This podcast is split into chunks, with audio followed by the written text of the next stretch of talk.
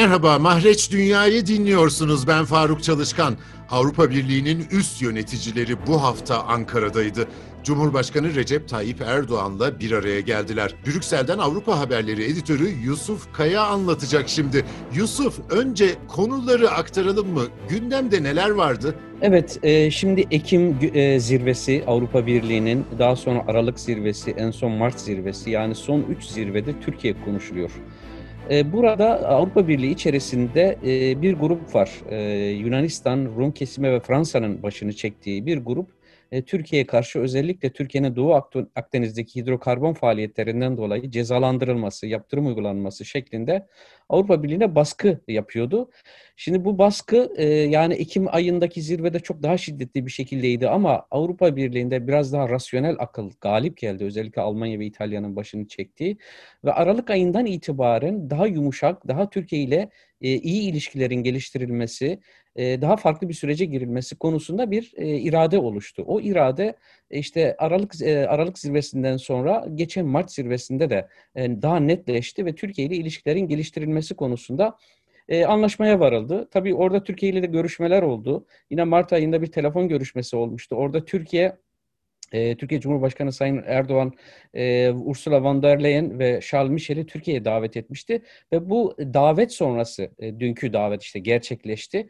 E, iki lider e, Ankara'ya gittiler ve görüşmeler yapıldı. Gündemde neler var?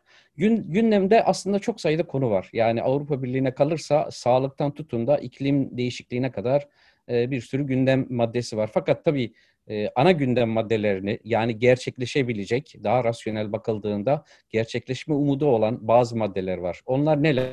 Birincisi gümrük birliğinin modernizasyonu yani güncellenmesi konusu. E, bu e, özellikle hem Türkiye'nin hem Avrupa Birliği'nin istediği bir durum. Diğer bir konu 18 Mart mutabakatının yenilenmesi.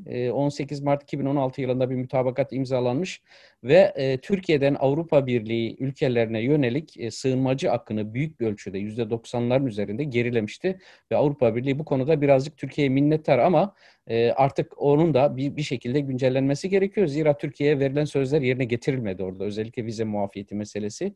Bir diğer mesele bu sığınmacılara yardım yapılması konusu. Esasında sığınmacılara yardım yapılması konusu 18 Mart mutabakatının da bir parçası olabilir. Fakat bu henüz netleşmedi. Onu anlatırız birazdan.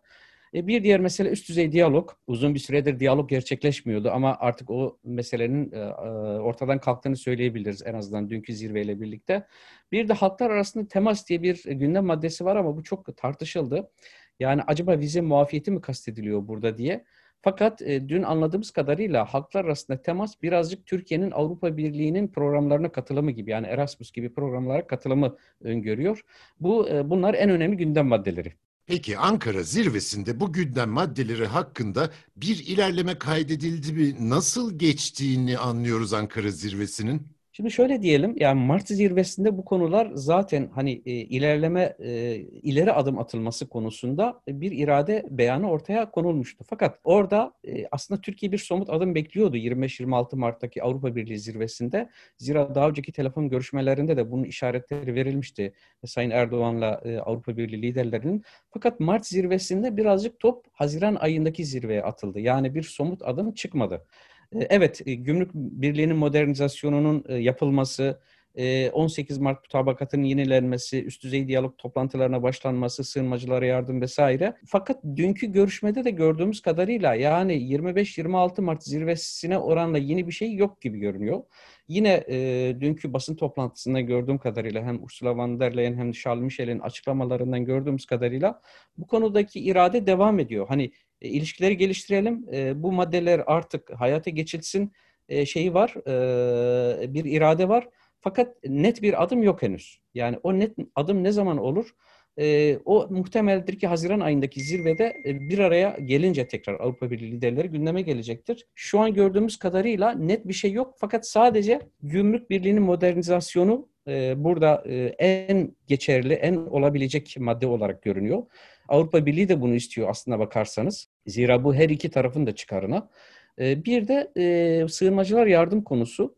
Bu yardım meselesi de e, aslında sadece Türkiye'deki sığınmacılara yardım gibi değil de Avrupa Birliği Komisyonu e, bunu bir genel bir program haline getirip Ürdün ve Lübnan'ı da kapsayacak şekilde genel e, Avrupa işte e, Suriyeli sığınmacılarına sığınmacılara ev sahibi yapan yapan tüm ülkeleri bir araya getirip e, toplam bir yardım konusunu gündeme getirebilir.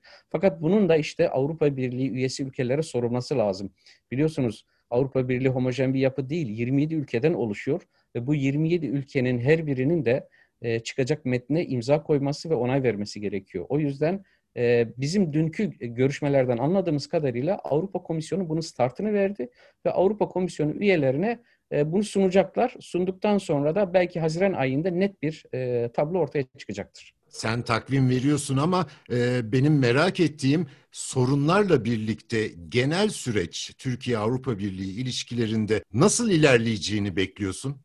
Şimdi e, gerek dünkü toplantıda gördüğümüz kadarıyla gerek de zirvelerde gördüğümüz kadarıyla Avrupa Birliği Türkiye ile ilişkilerin geliştirilmesini hep koşullara bağlıyor. Belki bu ileride sıkıntı olabilecektir. Evet şu an e, Avrupa Birliği Türkiye ilişkilerinin gelişmesi, e, ilerletilmesi hem Avrupa Birliği'nin hem de tabii ki Türkiye'nin yararına.